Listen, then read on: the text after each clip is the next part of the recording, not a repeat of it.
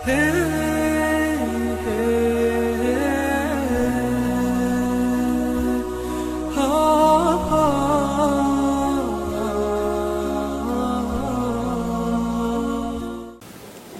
الطالبين لله تعالى. الحمد لله رب العالمين والصلاة والسلام على خير المرسلين سيدنا محمد وعلى آله وصحبه الطيبين الطاهرين وبعد لله تعالى. تكلم عن الشفاعة. الشفاعة حق أي أمر محقق ثابت لا بد أن تحصل الشفاعة. وهي سؤال الخير من الغير للغير. فيشفع النبيون والعلماء العاملون والشهداء والملائكة.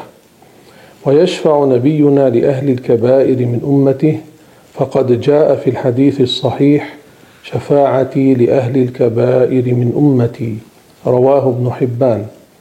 أي غير أهل الكبائر ليسوا بحاجة للشفاعة. وتكون لبعضهم قبل دخولهم النار ولبعض ولبعض بعد دخولهم قبل أن تمضي المدة التي يستحقون بمعاصيهم. ولا تكون للكفار قال الله تعالى ولا يشفعون إلا لمن ارتضى. يعني لا يشفع أحد للكفار.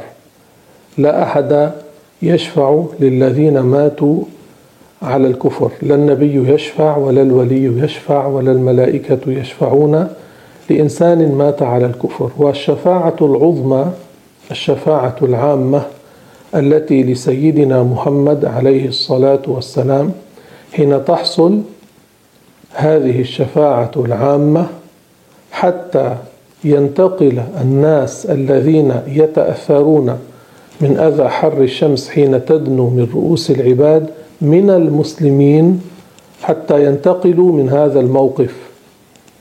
أما الكفار فحين تحصل الشفاعة العظمى فإنهم ينتقلون من شدة إلى أشد. وقد ضل أناس قالوا إن هذه الشفاعة تكون لكل إنسان حتى للكفار أي تنفع الكفار.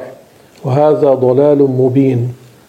من جملة من قال هذا الكلام عمر خالد والعياذ بالله قال إن الرسول يشفع لكل إنسان لكل مؤمن ولكل كافر حين تحصل الشفاعة العظمى. وهذا ضد قوله تعالى ولا يشفعون إلا لمن ارتضى كذلك المرأة المسماة غنى حمود قالت إن الرسول يشفع لكل إنسان في هذه الشفاعة العظمى للمؤمن وللكافر وهذا كما قلت تكذيب للنص القرآني. وقد قال الإمام النسفي ورد النصوص كفر لا أحد يشفع للكفار. ثم هناك أمر مهم بيانه ما ورد في الحديث من أن الناس حين يأتون آدم عليه السلام ويسألونه الشفاعة فيقول نفسي نفسي ليس معناه أنه يخاف من العذاب لا. النبي لا يخشى أن يعذب. قال الله تعالى ألا إن أولياء الله لا خوف عليهم ولا هم يحزنون. الولي لا يخشى أن يعذب. الولي لا يخاف أن يعذب. التقي ليس عليه عذاب. فكيف بالنبي من الأنبياء؟ حين يقول النبي حين يقول آدم حين يقول نوح حين يقول موسى حين يقول عيسى نفسي نفسي وكل من هؤلاء الأنبياء يشير أن يذهب الناس إلى النبي الذي يسميه. يقول اذهبوا إلى نوح نوح يقول اذهبوا إلى فلان وهكذا. وقوله نفسي نفسي معناه أنا تهمني نفسي ليس معناه أنا خائف على نفسي من العذاب لا. فحين يقول نفسي نفسي النبي في ذلك الموقف معناه تهمني نفسي لست لها أي هذه الشفاعة أنا لست لها. ليس معناه أنه خائف على نفسه من العذاب أو به قلق أو به حزن لا.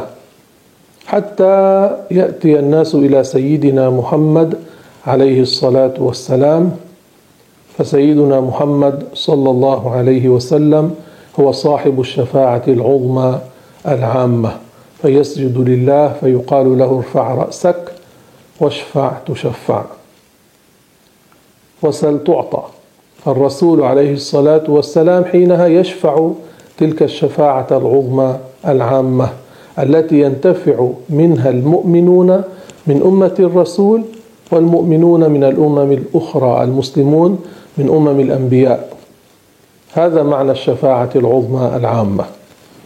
وأول شافع يشفع هو النبي صلى الله عليه وسلم لأن الرسول صلى الله عليه وسلم قال أنا أول شافع وأول مشفع وأول من يشفع لهم الرسول صلى الله عليه وسلم أهل المدينة وأهل مكة وأهل الطائف. تكلم عن الروح. يجب الإيمان بالروح وهي جسم لطيف أي لا يضبط باليد لا يمسك باليد. الأجسام إما لطيفة وإما كثيفة. الله خلق هذه الأجسام وهذه الأجسام فهو تعالى ليس جسما لطيفا كالروح والريح والهواء والجن والملائكة وليس جسما كثيفا كالإنسان والأرض والشجر. هذه الأجسام التي تضبط باليد تمسك باليد تسمى أجساما كثيفة. الله خلقها. حتى النور والظلام جسمان لطيفان. الله خلقهما. فهو سبحانه وتعالى لا يشبه الأجسام الكثيفة ولا يشبه الأجسام اللطيفة. وخلق الله صفات الأجسام الكثيفة والأجسام اللطيفة. فصفاته لا تشبه صفات هذه المخلوقات. لا يوصف الله تعالى بالشكل ولا بالهيئة ولا بالصورة ولا بالمكان ولا بالجهة ولا بالصورة ولا بالتأليف ولا يوصف أنه جالس أو قاعد أو مستقر. الله سبحانه وتعالى له صفات تدل على الكمال. الله موجود سميع بصير حي قادر عالم لكن ليس كالقادرين وليس كالسامعين. وليس كالمبصرين وليس كالأحياء. الله تعالى خلق صفات الحوادث فصفاته لا تشبه صفات المخلوقات. يجب الإيمان بالروح وهي جسم لطيف لا يعلم حقيقته إلا الله. ويسألونك عن الروح قل الروح من أمر ربي. أي الروح أمر اختص الله تعالى بمعرفة حقيقته. فالخلق لا يعرفون حقيقة الروح. وقد اجرى الله العادة أن تستمر الحياة في أجسام الملائكة والإنس والجن والبهائم ما دامت تلك الأجسام اللطيفة مجتمعة معها وتفارقها إذا فارقتها تلك الأجسام. وهي حادثة ليست قديمة. كل ما سوى الله حادث مخلوق. ومن قال إن شيئا سوى الله أزلي لا ابتداء لوجوده فقد أشرك لأن معنى كلامه أن هذا الشيء يشارك الله تعالى في صفة الأزلية ولا شيء أزلي إلا الله تبارك وتعالى ومعنى هذا الكلام الفاسد الذي يقوله الفلاسفة إن العالم أزلي والذي قاله بعض الفلاسفة وأحمد بن تيمية الحراني إن نوع العالم أزلي لم يزل مع الله معناه أن الله لم يخلقه وهذا فيه شرك والعياذ بالله وكفر وتكذيب للقرآن والحديث والإجماع. كل ما سوى الله لوجوده بداية والله هو الذي خلقه.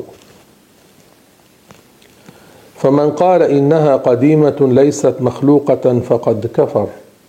وكذلك من قال البهائم لا أرواح لها كما قال ذلك محمد متولي الشعراوي في كتابه الفتاوى في الجزء الأول في الصحيفة 218 في كتابيه التفسير والفتاوى وذلك تكذيب للقرآن وإنكار للعيان قال تعالى وإذا الوحوش حشرت وقال رسول الله صلى الله عليه وسلم لتؤدن الحقوق إلى أهلها يوم القيامة حتى يقاد للشاة الجلحاء من الشاة القرناء.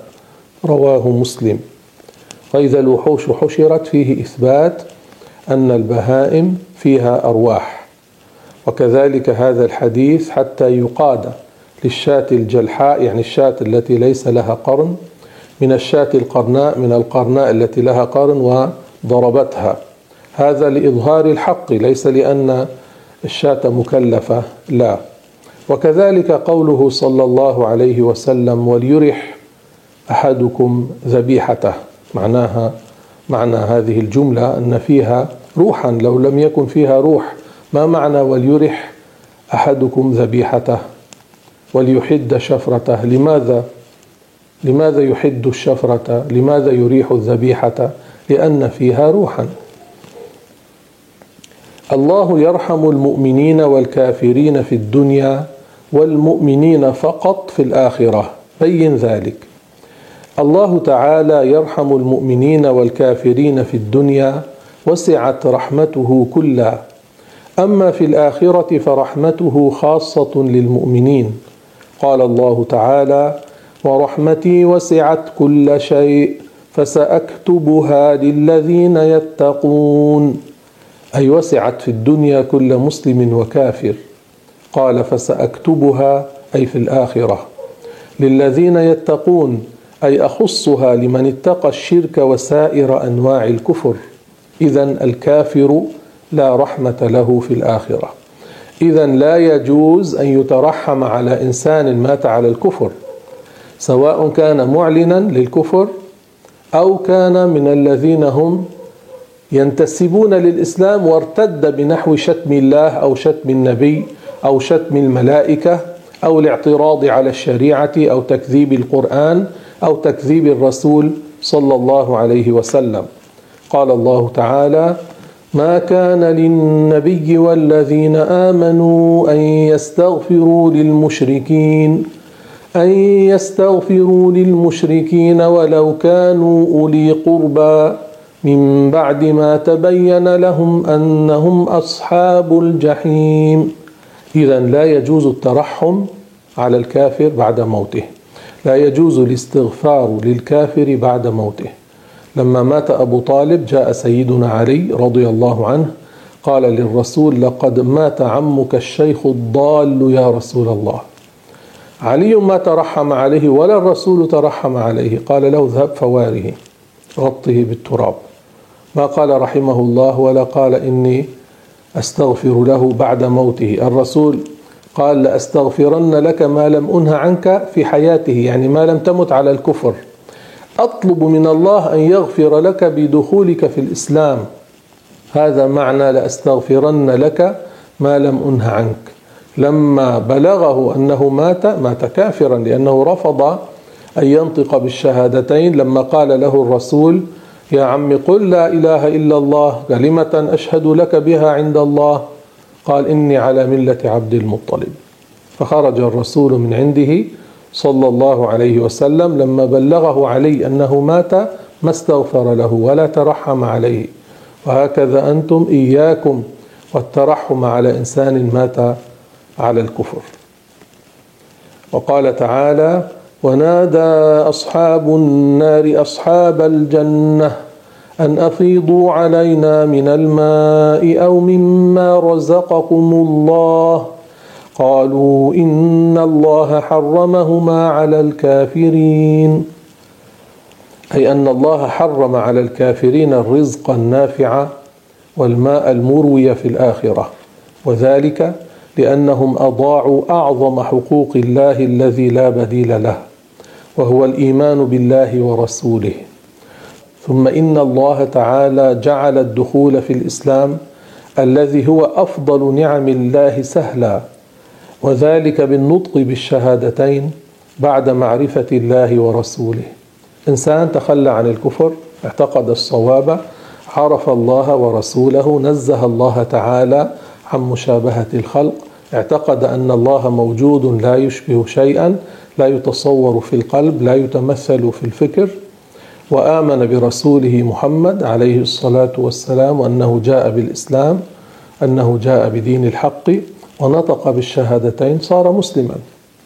وجعل الكفر سهلا فكلمة واحدة تدل على الاستخفاف بالله أو شريعته تخرج قائلها من الإيمان وتوقعه في الكفر الذي هو أسوأ الأحوال حتى يكون عند الله أحقر من الحشرات والوحوش.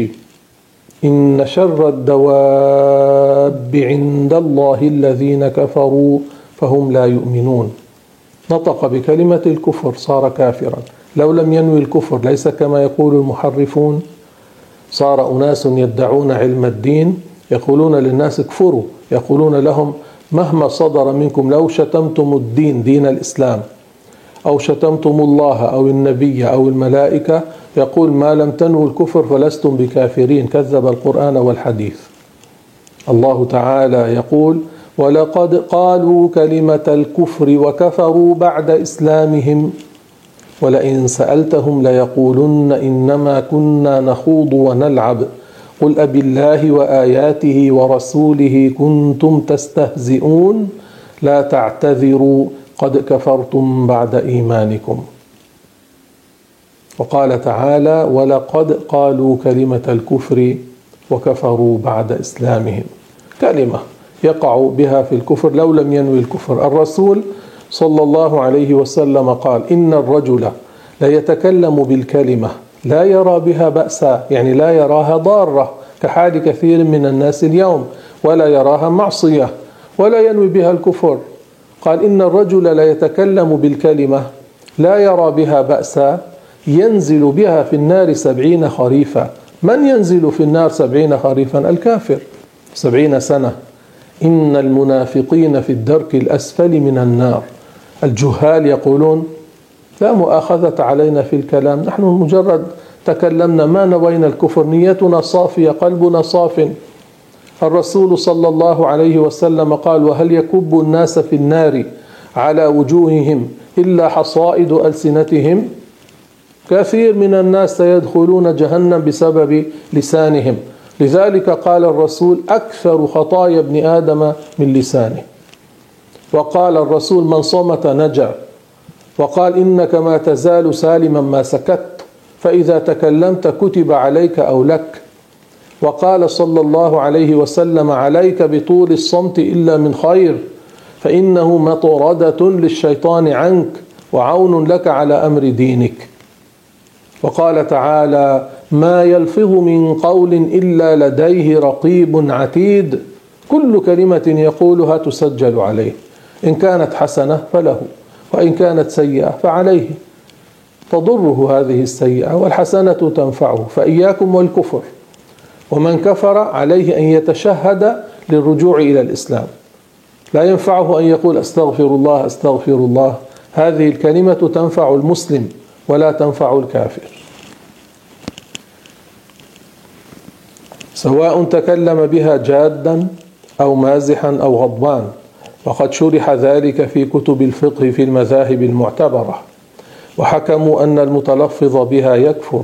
قال الله تعالى إن شر الدواب عند الله الذين كفروا فهم لا يؤمنون. والله تعالى قال عن الكفار أولئك هم شر البرية أي شر ما خلق الله. نسأل الله تعالى لنا ولكم النجاة والثبات على الحق إلى الممات ورؤية الرسول عليه الصلاة والسلام والله تعالى أعلم وأحكم. هللوا وصلوا على رسول الله صلى الله عليه وسلم واستغفروا للمؤمنين والمؤمنات.